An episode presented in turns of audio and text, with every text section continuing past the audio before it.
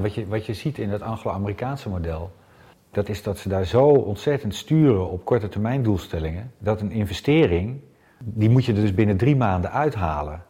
Een investering wordt dan zoiets als een activiteit ten, ten koste van mijn bonus, ten gunste van de bonus van mijn opvolger. En dat ga je dus niet doen.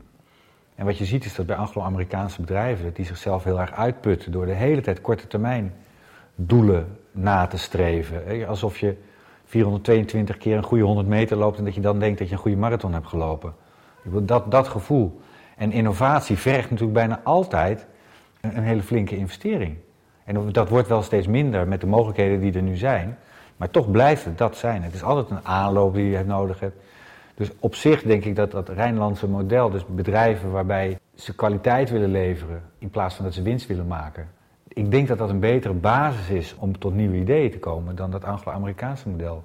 Maar is, is het niet eh, op dit moment zo dat het zo makkelijk is door te ontwikkelen en de competitie zo groot is dat je wel elk kwartaal, elk half jaar iets nieuws moet bedenken? Dus komt het constant met nieuwe producten of nieuwe eh, diensten moet komen, omdat je anders gewoon achterloopt. En daardoor krijg je ook veel makkelijker dat Amerikaanse systeem erin, dat je op korte termijn kan worden afgerekend. Ja, maar wat je ziet, ik heb laatst een prachtige presentatie van Clayton Christensen, een professor op Harvard, over innovatie gehoord. En die vertelde een verhaal dat Dell steeds meer van zijn productie ging uitbesteden aan toeleverancier, totdat die op een die PC's ook wel zelf kon maken. En dat was helemaal berekend van ja, maar dat, elke keer als we meer uitbesteden, dan neemt ons percentage winst neemt toe. En uiteindelijk ging bijna alle winst naar die partner die dat dan voor ze deed. Maar het percentage van Dell was echt heel erg goed.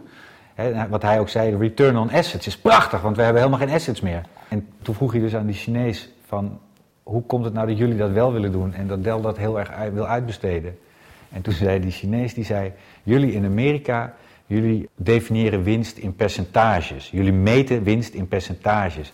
En wij, en wij in China, wij meten het in tons of money. Het is een soort boekhoudkundige truc bijna geworden dat je, je, je aandeelhouders zo tevreden mogelijk maken.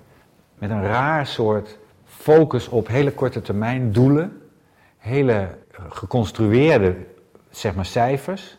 En niet meer om waar het echt om gaat, namelijk dat je zulke fantastische producten levert dat iedereen die wil kopen. Maakt niet uit wat het kost. Maar goed, jij zei, net, uh, jij zei net over auto's. Je kunt het ook bij Apple en bij Intel en bij andere partijen zien.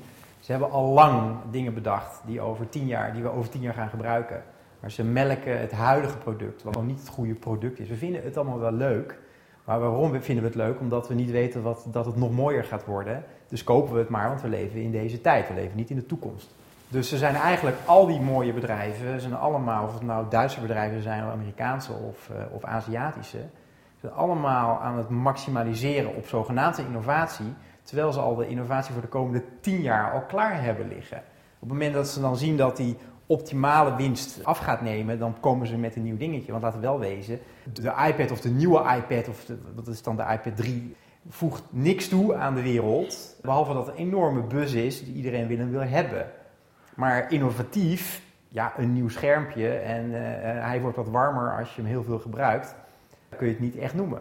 Dat vind ik een rare vorm van complotdenken van het type Philips heeft al lang de, de gloeilamp bedacht die nooit kapot gaat, maar die ligt nog in een kluis, want de verdiensten dat geloof ik niet. Ik geloof niet dat dat zo is. Niet bij bedrijven, juist niet bij de bedrijven die je noemt, bij Apple en, en bij Intel. Ik denk dat die gewoon per se voorop willen lopen in de markt. En als ze iets moois hebben, dan brengen ze het op de markt.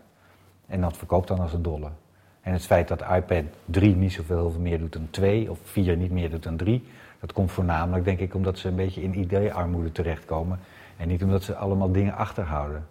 Maar ik vind dat wel bedrijven die echt met, heel erg met innovatie bezig zijn. Niet op een Anglo-Amerikaanse manier. Ze maken wel heel veel winst.